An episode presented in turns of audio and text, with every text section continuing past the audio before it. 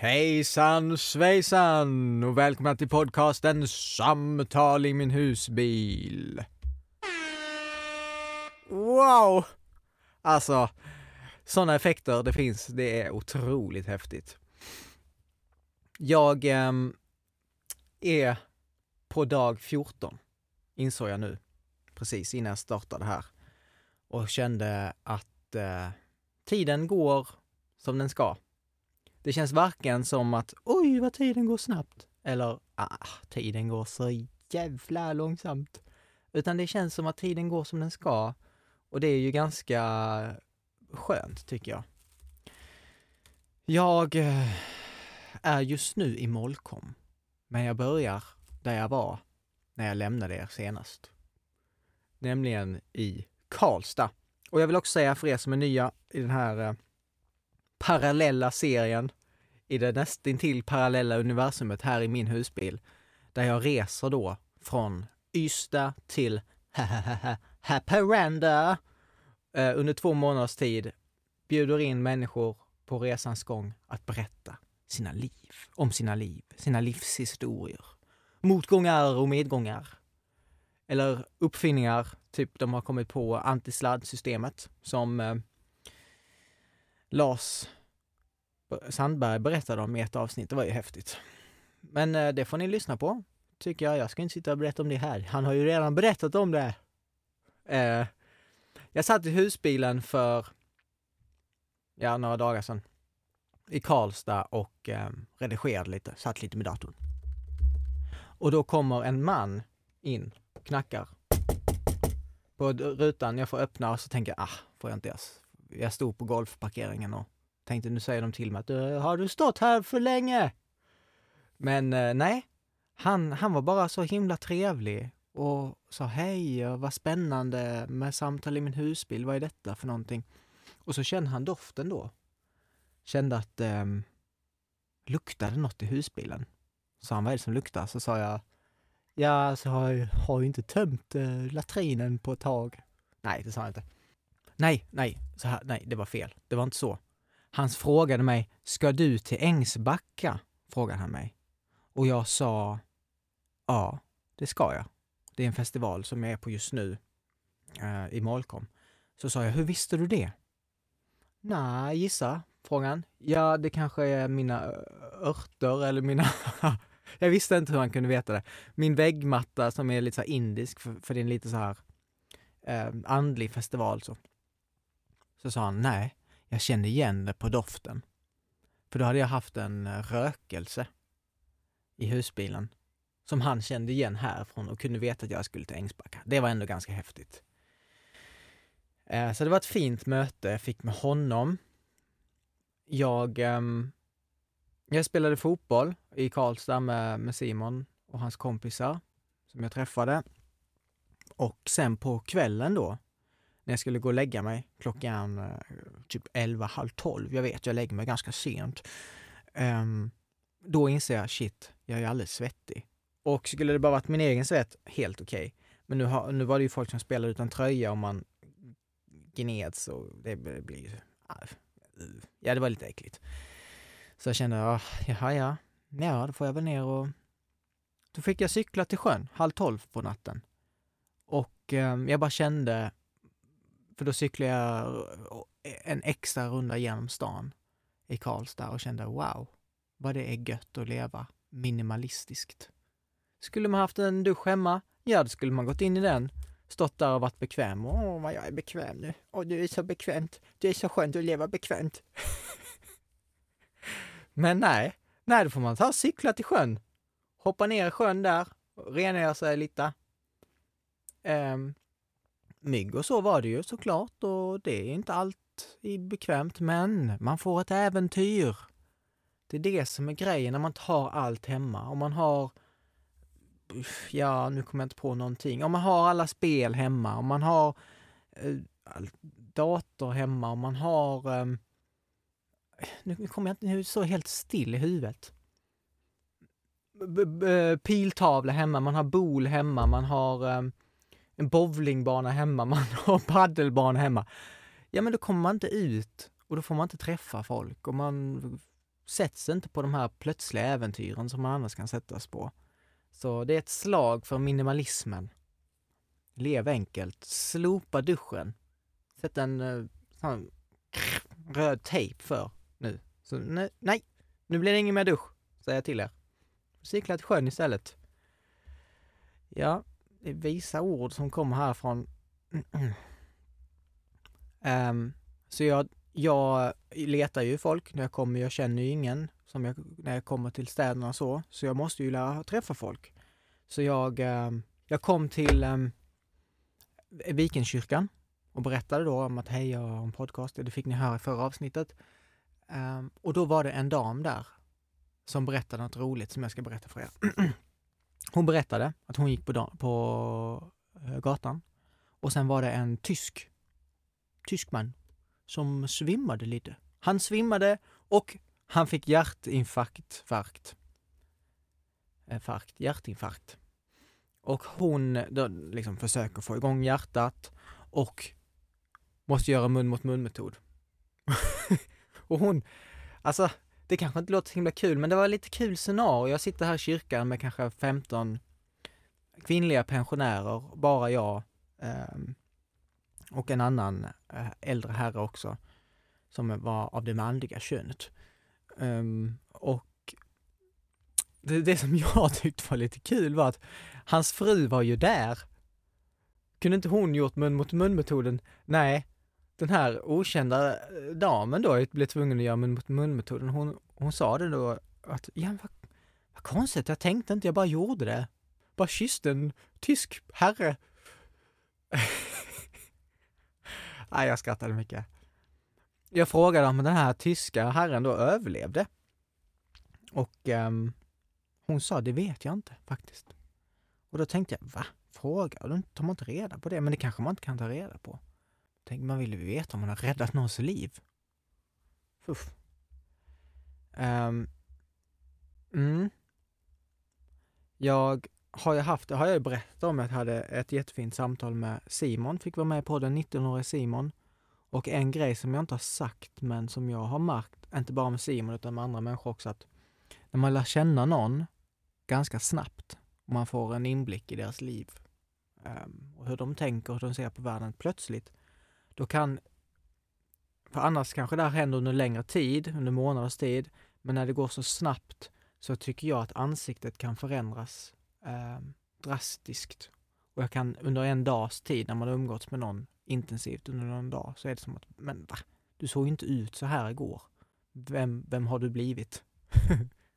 så så kände jag med Simon och det var väldigt fint. Det är ett tecken tror jag på att man får en djupare inblick i någons liv, vem personen är.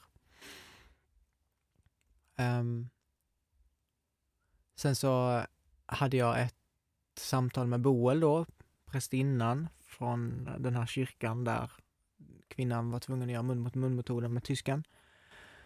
Hade ett jättefint samtal där Boel fick berätta om um, att hon hade jobbat på Kumla kloster, vilket är ett kloster som fanns innanför fängelsemurarna Eh, det långtidsdömda och livstidsdömda fångar fick lov att komma um, och vara där i en månad på en retreat och där jobbade Boel och hade massa att berätta därifrån. Och jag kände efter bara, alltså hur fick jag tag på den här människan och fick lyssna på den här fantastiska berättelserna om när hon kom i kontakt med gudomligheten med Jesus och hur det förändrade hennes liv och så jag älskar att få höra sånt. Och jag träffade en annan eh, person i Karlstad som jag blev eh, vän med. Och hon, eh, men hon uttryckte det att hon var en väldigt så här, ospännande människa. Jag sa att ja, men jag är på jakt efter spännande livshistorier. Och då sa hon att nej, men jag är inte så spännande. Det visar sig ofta att det oftast är de människorna som uttrycker sig för att inte vara spännande, inte vara intressanta, inte ha något att säga, är de, när de väl får plats, de människorna som har mest att säga. Um, och då, det får mig att tänka på en, en sak som Wilfrid Stinnesen, en katolsk svensk mystiker som föddes i Österrike, tror jag, eller Schweiz. Han sa, um, vi är vår största hemlighet. låt det sjunka in lite. Vad betyder det egentligen? Vi är vår största hemlighet. Så jag då som kan ibland gå runt och skryta och prata om allt bra och gott som jag gör, ja men då är jag kanske egentligen den där, de där hemligheterna som jag inte berättar om. Allt oskönt och kast jag har gjort. Um, och de människorna som sitter på de här um, bra sakerna om en själva som man har gjort, som man inte berättar om det, det kanske, de, de kanske är eh, den hemligheten, alltså det där goda. Ja, jag tycker det är ganska fint. Vi är vår största hemlighet. Så efter Karlstad hoppade jag in i husbilen och bara tut, tut, körde till Molkom, en liten by med tusen invånare. Jag hade fått höra om Molkom och Eh, blev lite inspirerad, kände att jag vill komma dit, försöka hitta folk. Komma hit på eftermiddag kväll. Har ju fått höra om den här festival, eller kursgården Ängsbacka som ska vara en, en lite andlig festival med mycket olika spiritualiteter eh, och ingångar i det andliga och vinklar och, och trosuppfattningar och så. Som jag tycker är väldigt intressant som ni vet. Um, så jag tänkte, ja men gå in och kollar in vad det är, hur, hur, det ser ut. Och då visade det sig att en festival precis när jag kom hade börjat. Så när jag går in i receptionen så säger de att jaha, um, ska du vara med här eller? Så säger jag, nej det vet jag inte, nej det var inte mer än vad jag vet. Och så sa jag, nej men det ska jag inte. Så jag gick bara runt och kollade lite, ställde husbilen på eh, deras parkering, säg inte det. Eh, och sen då på kvällen så hörde jag musik och så tänkte jag, men gå in och, och kolla lite vad som sker. Så jag gick och kollade lite och så var det folk som dansade och det var bra trummusik och jag bara kände att nej, jag kan inte hålla mig. Så jag gick ut på dansgolvet och bara ravade. Shake it, shake it loose. Shakey, shakey. Uh, eh, och uh, ja, men det var gött. Gjorde det några, några timmar eller en timme eller så. Um, sen drog jag tillbaks till husbilen och um, skrev då till um, Ängsbacka och sa att hej, om, ni, om det skulle vara så att ni behöver en volontär så är jag på plats. Och då svarade hon, ja men vi skulle faktiskt behöva en i Sound and Light-teamet. Men innan jag vill berätta mer om det så vill jag berätta att eh, på förmiddagen då i söndags gick jag till kyrkan som jag brukar göra på söndagar. Mycket för att hitta folk och ledas lite, alltså ledas till eh, spännande möten, potentiella eh, poddavsnitt. Så jag, så jag tänkte ta plats och säga Kling, kling, kling, kling, kling. Hallå? Jag kommer från samtal i min husbil. Men det gjorde jag inte. Nej, jag var inte på humör riktigt. Jag kände att, nej, jag kände mig lite låg och hade inte riktigt eh, modet. Så jag sa inget. Satte mig och pratade med en jättehärlig människa med så här vit, vitt vackert hår. Och eh, ja, hon var så himla klok och vis. Um, och um, berättade lite om sitt liv och jag fick berätta om min resa och kände sådär som man gör ibland att det spelar inte så stor roll vad de säger utan det är energierna, frekvenserna som kommer ut ur människan som berör en snarare. Så jag var faktiskt, typ lite, ja, nu känner jag mig lite töntig, men jag blev lite tårögd typ två gånger under det samtalet bara för att jag kände wow, vad fin människa. Så jag frågade henne, du, ehm, du vill inte berätta lite om ditt liv och saker du har varit med om i min podd? Men eh, det ville hon nog inte. Det var lite för, ja, hon hade lite integritet och det var lite för nära en på grejer som hade hänt och så. Så det respekterar jag. Men jag tyckte det var tråkigt för det har varit så fint att ha med henne. Ja. Men jag kommer till Ängsbacka, går med i Soundlight-teamet och då får lära mig lite snabbt om ljud och ljus och hur man sätter upp, eh, kopplar in grejer och kopplar in mickar och så. Så min uppgift blir två, tre workshops om dagen så ska jag hjälpa workshopledarna att få igång micken, få igång musiken, se till så att det ser bra ut. Och om de skulle behöva någon hjälp så finns jag tillgänglig. Så jag hamnar bara direkt in i det där. Så då hamnar jag bakom en sån här DJ-bås och så Ja, då ska man klicka på den här knappen när eh, gitarren sätts i och så ska man eh, göra olika grejer och bara tyckte att det var lite komiskt. Jaha, hur hamnar jag här? Typ ljus och ljudtekniker på en festival. Det låter ju lite komiskt men det kanske inte är så konstigt eller speciellt. Mm. Så det det jag gör nu. Jag går mycket på workshops. Alltså, um, jag är ju här själv. Så jag, vill, jag ville fråga mig själv det. Så jag intervjuar mig själv. nu. Ja, Jonas, hur är det egentligen att vara själv på en festival? Mm.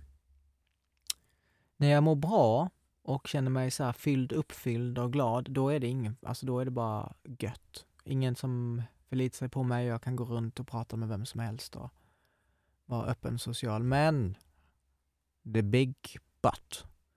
När jag inte gör det, uh, jag mår inte alltid så himla bra, så jag är ju en människa. Jag är ju en människa, ja. Så då, um, men då är det lite svårt och, och speciellt, jag, jag, känner mig sällan ensam. Jag kan bo ute i skogen själv i min husbil och bara njuta av att vara själv. Ah, vad gött. Härligt. Skönt.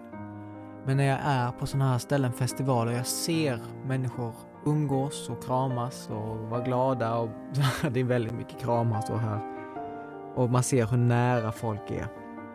Så går man runt där själv och så bara, ha, vad ska jag, ska jag gå och sätta mig själv i husbilen och äta eller vad är grejen?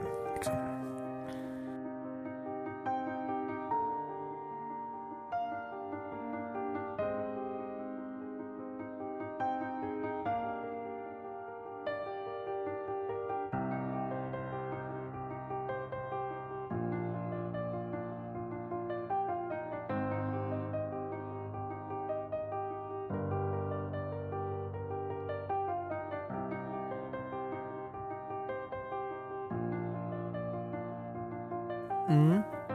Och detta var ju bara för typ fyra timmar sedan. Och nu så mår jag hur bra som helst. Och är lycklig och ska snart ut och dansa tror jag. Eller jag vet inte vad jag ska bara hoppa in i. The, the dancing group of human beings.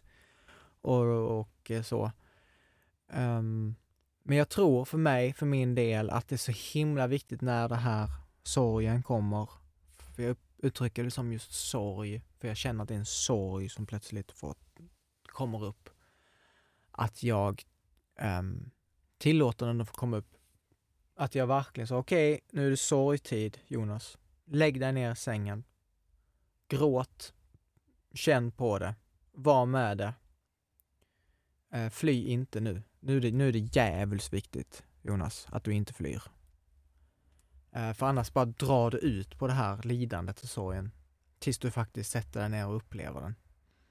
Så jag var duktig med det idag, gick från, la mig i sängen och bara upplevde sorgen och det har ju varit mycket meditation och um, mycket sådana meditationsworkshops där man får möta sorg och möta lidande och, och sånt så att jag får ju mycket hjälp för att möta det här på festivalen. Nu körde förbi ett tåg precis här som ni kanske hör. Eller så hör ni inte det för jag har sådana bra mikrofoner. Um, mm, och när den här då sorgen kommer så blir jag väldigt flyktig.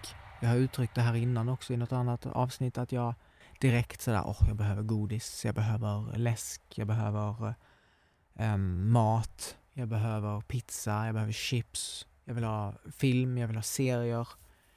Jag vill ringa någon, jag vill prata med någon, jag måste vara social, jag måste kolla Instagram, hur mycket likes, hur mycket följare har jag fått? Alltså jag blir så sjukt flyktig. Och också, jag måste härifrån. Jag måste härifrån. Det, det är så jag tänker när jag blir flyktig. Så det tänkte jag då, nej jag drar, jag bara kör, jag bara hoppar in i husbilen och kör härifrån. Men eh, jag har ju lärt mig lite hur jag funkar med kraftiga upp och nedgångar, så jag måste verkligen hålla mig till um, eh, inte, jag får inte bli för impulsiv i de där tillstånden utan bara så här, försöka vara lugn, inte lyssna för mycket på mina tankar. Utan ja, ta dem för vad de är. Um, jag är ju lite andlig. Eller jag är andlig, nej. Inte mer än någon annan tror jag, men jag är intresserad av andliga begrepp och jag uttrycker mig andligt, så kan jag säga. Så jag uttrycker det att vi finner Gud här, här och nu och ingen annanstans.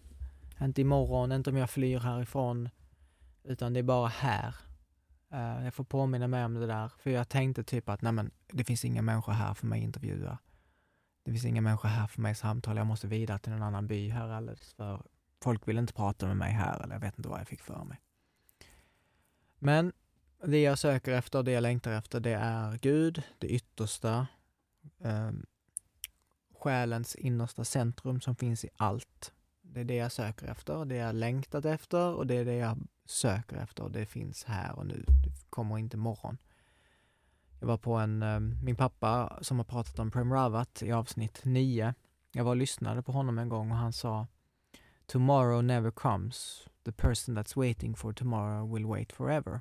Because when the time is 23.59 and it's one minute to until tomorrow, when that minute goes, it will be another 24 hours until tomorrow. Alltså himla vis. Alltså jag är så fruktansvärt vis. Det alltså ni, kommer, ni blir så fyllda av visdom så att eh, nästan så ni borde pausa nu. Man kan inte ta in för mycket på en gång. Ah, okej, okay, här kommer ännu mer. Håll i hatten. Inte dämpa symptomen. För då finner vi inte motivationen till att finna källan till problemen. Okej. Okay. Um, jag har tänkt på det här sista åren och varit ganska principfast. Så där jag har haft klåda i hårbotten. Jag, folk har sagt, nej men gå till uh, sjukvården, gå till och, och, gå dit och dämpa dina symptom. jag bara, nej. Det här symptomen, det gör att jag inser att okej, okay, det finns ett problem kanske med min mage eller någonting och det motiverar mig till att hitta problemet, det ursprungliga problemet. Detta gäller även det andliga. Um, om vi dämpar de här symptomen som vi känner att oh, jag känner längtan, jag känner mig orolig, jag känner meningslöshet, vad den är. Um, om vi bara dämpar det med chips, med mat, med, med, med mediciner, bara oh, måste bara trycka ner, bara dämpa, dämpa, dämpa, dämpa. Ja, då hittar vi ju, lär vi ju inte hitta grundproblemet eh, att, att vi har en längtan i oss efter någonting som eh, är djupare än chips och lösgodis och sådant dylikt. Här på um, Ängsbacka så har jag varit på en mansgrupp och mansgrupper är fantastiska. Till en början så känner man ofta uh, What the fuck am I doing here? Uh, och um, ja, men det var så himla fint. Då, då är vi 20 män. Liksom, man känner maskuliniteten bara, vi är män. With, with the men, yeah! Football and ice hockey! Och um, vi eh, går upp och går runt och så, så ska man ställa sig framför en person och om man vill krama den här personen så sträcker man ut armarna lite lätt sådär bara längs höfterna. Och om personen eh, framför en vill kramas tillbaks så sträcker den också ut armarna och så kramas man långt, länge och så. Ja, var fint. Tack. Sån riktig så sån kram som man får på sådana här andliga festivaler. Som, det kan vara väldigt eh, utmanande till en början, men när man börjar uppskatta det så är det så himla fint. Eh, och om man inte vill krama, det här är då, det, nu kommer vi till eh, det, det, viktiga här. Om man inte vill krama, då gör man ett kors med armarna. Sådär. Och så sjukt bra träning, alltså. Att så här, känna efter, vad vill jag, vad vill jag inte? Och, det, och om någon gör, ger korset till en, då, då, nu säger jag ska, man kan inte bestämma vad man ska känna, men man ska bli glad för då vet man om att den här personen respekterar sig själv. Och jag fick korset av en och jag kände bara, oh, jag var så tacksam, bara tack, tack för att du respekterar dig själv. Och det var ett jättefint möte vi fick. Och jag fick ge korset till två personer. och jag kände bara oh, att jag är... Bara tack Jonas, du respekterar dig själv. Vad fin du är. Vad snäll du är mot dig själv. Um, sen efter det så fick vi sätta oss ner med um, um, en person och så fick vi titta in i den här personens öga. Man kollar in i vänstra. Jag har pratat om det här eye gazing förut. Och vi gjorde det typ, jag tror nästan 20 minuter. Åh, oh, det var så vackert, så fint att få titta någon i ögonen så djupt, så länge. En person som man aldrig träffat förut. Och vi satt där och, och, och vi grät och um, det bara kom upp så mycket känslor. Um, och vi, alltså det här är utifrån så kan det nog för många vara så himla konstigt. Man sitter där och håller händerna och tittar in i varandras ögon, men det är så himla läkande och jag tror det är så viktigt för många män att få göra detta. Eh, och man ser ju på många att det är lite obekvämt. Jag har gjort det här några gånger så jag börjar bli van. Jag var på en annan mansgrupp en gång och då, då fick man en minut vars i cirkeln. då var det en kille det här var så länge sedan, jag nämner inga namn och så, så jag tänker jag kan berätta detta. Det är ingen som vet var det här kommer ifrån. Annars är jag lite försiktig med att berätta vad som händer och så. Men då var det en kille som gick runt som en katt. Så smög han runt. Mjau. Mjau. Uh, eh, och um, smög fram till mig, pussade mig på kinden och då fick workshopledaren säga ifrån bara nej, så kan du inte göra, det blev för mycket. Typ. Så ingen kroppskontakt. Så att eh, det är kul, jag älskar ju att sätta mig i, i sådana här sammanhang. Um, jag var också på något som hette, jag är så van vid sånt här så jag kan göra lite svårt ibland hur folk tänker utifrån. Folk kanske tycker att det här är jättekonstigt att vara på sån här festival men så det är mycket meditation, det är en del yoga, det är många olika former av Eh, Eh, så till exempel var det något som hette Sifu. Då tror jag Sifu meditation eller Situ eller något sånt. Så då stod man och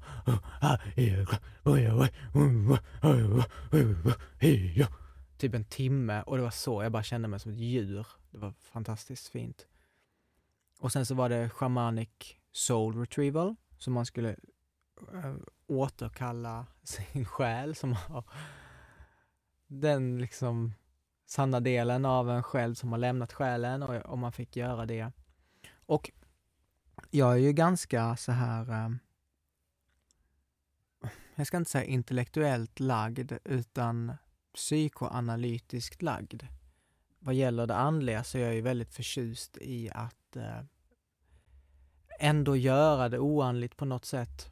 Så det är kanske lite intellektuellt, men jag har ju hållit på mycket med skådespel och teater och har ju fått uppleva att om jag verkligen tror på någonting så kan det skapa en kemisk reaktion i kroppen i form av känslor och känslor är förlösande känslor som upplevs kan omvandlas till nya känslor. Det har jag också pratat om förut att um, om du vill uppleva kärlek så kan det börja med att du upplever uh, lust. Sen så kanske det omvandlas till tillfredsställelse som um, omvandlas till um, eh, ja, jag vet inte, glädje som omvandlas till lycka, som omvandlas till kärlek och att det är känslorna som, när vi tillåter oss att få känna det vi känner, som kan vara vägen till den sanna upplevelsen av äkta, sann kärlek. Och eh, tanken och känslorna eh, arbetar ju tillsammans. Och det gör ingenting om det är sant, det som man tror på eller inte. Så i teatern så kanske jag eh, låtsas vara, eller nej, jag ska inte säga låtsas. Jag ska vara kär i en kvinna. Och om jag är duktig och verkligen så har fantasi och kreativitet och kan intala mig det och kan känna känslor av kärlek på riktigt, då, då är ju det lika läkande som om som om jag var kär i henne. Och, och, och, känslan är ju på riktigt, men scenariot som jag har byggt upp i mitt huvud kanske är, bara, är ju bara påhittat. Och jag ser det eh, på samma sätt med det, mycket av det här andliga. Med shamanic soul retrieval eller Jesus dog på korset för våra synders skull eller eh, Buddha gjorde det eller Hare Krishna sa så eller gjorde så. Jag vet inte. Och om jag verkligen tror på det, om jag är, släpper på kontrollen, eh, släpper på min vetenskapliga intellektuella hjärna och bara säger okej, okay, men nu ska jag tro på det här. Jesus Kristus dog på korset för mina synders skull. Det kan ju betyda ingenting för många. Men för vissa kan ju det bara så här, bara wow, bara instant love. För att man verkligen, verkligen tror på det. Och det är detta som är trons mysterium som det pratas om i Bibeln. Um, att genom våran tro så uh, upplever vi, kan vi få uppleva himmelriket, kan vi få uppleva gudomligheten. Um, både inom taoismen så säger man ju de lärda kommer aldrig, aldrig bli visa och de visa kan aldrig bli lärda. Och det är samma inom kristendomen. Jesus säger att om en rättfärdighet inte överstiger de skriftlärdas så kommer ni aldrig till himmelriket.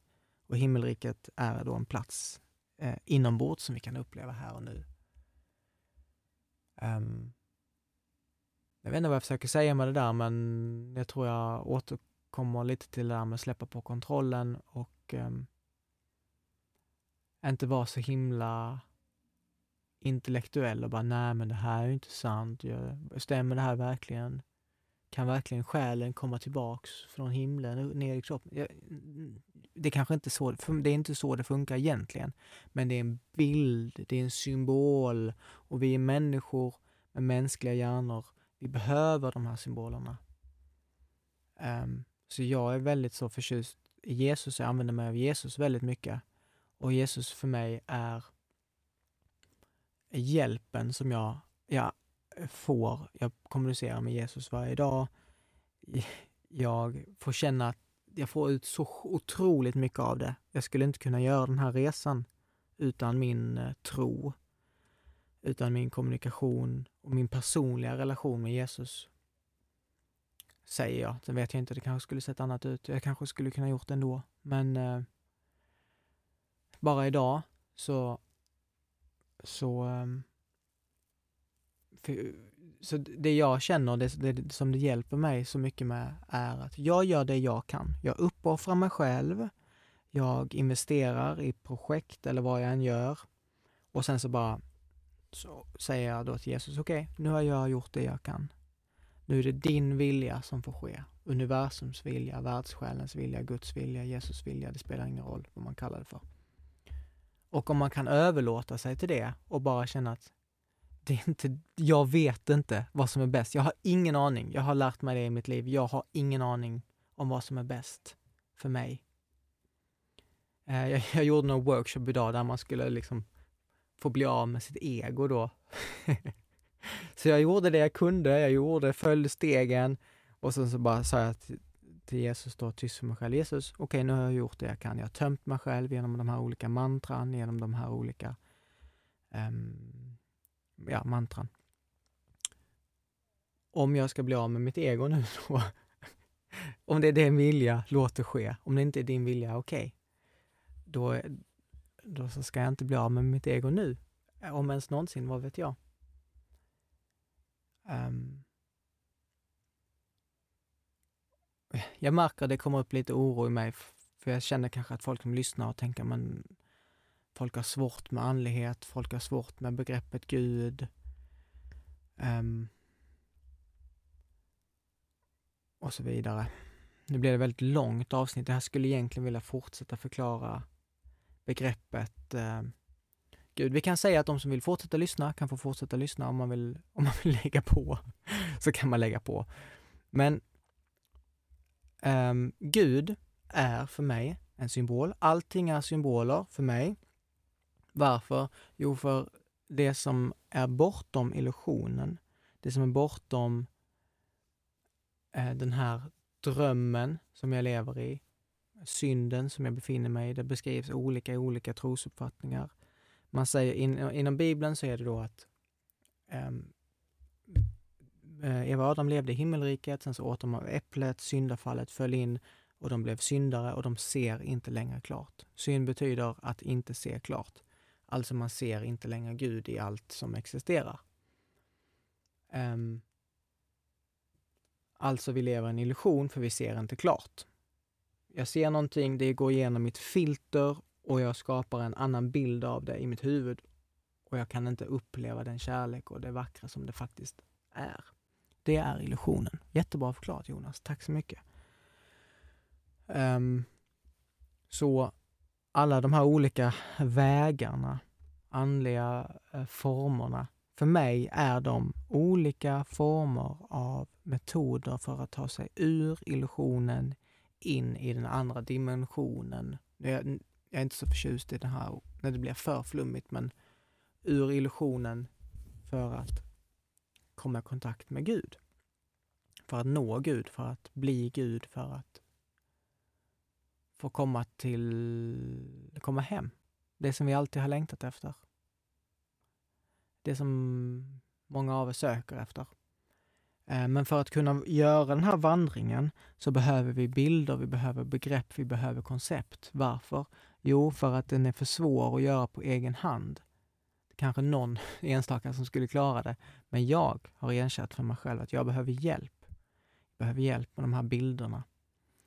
Eh, så till och med enligt eh, katolsk mysticism så är till och med det yttersta, eh, till och med Gud, bara en, en bild, det är ett objekt, det är ett, eh, det yttersta lockbetet beskriver Dennis Wasse det som och Wilfred Stinnesen använder det här i sin bok, så jag tänker att Wilfrid Stinnesen också står för det. Alltså att Gud är en idé, Jesus är en idé jag har, um, vilket inte gör det mindre verkligt, men det är fortfarande en idé som i slutändan då, när jag har tagit mig långt på den här andliga vandringen, kan, jag kan få släppa taget om det och det kan få ta form så som det faktiskt är. Alltså mycket, mycket större, mycket, mycket mer. Um, så to define, att definiera, is to limit. Oskar Wilde har sagt detta. To define is to limit.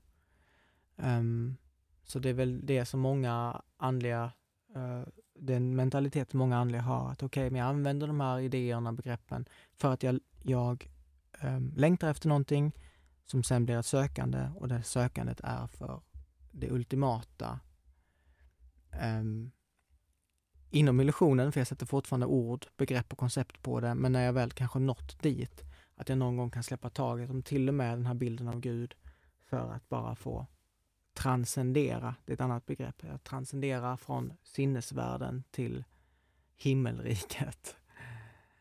Um, begrepp, koncept, ord. Jag tycker det är spännande. Det kanske finns fler människor som tycker det är spännande. Jag har haft otroligt mycket hjälp av det i mitt liv. Att få leka och använda mig av de här idéerna. Ja, det var det. Var det. det blev inte så himla mycket nu på slutet ändå. Nästan 40 minuter. Men tack så jättemycket för att du har lyssnat. Vad roligt att du vill följa min resa. Jag hoppas inte att jag är för um, knäpp, knasig eller oknasig. Jag kanske är för oknasig enligt någon. Uh, jag är den jag är. Vill man inte lyssna så behöver man inte lyssna. Okej, okay, tack så mycket. Uh, vi hörs när vi hörs. Du är grym. Följ mig på Instagram. F kolla, lyssna på mina andra uh, episoder. Adios.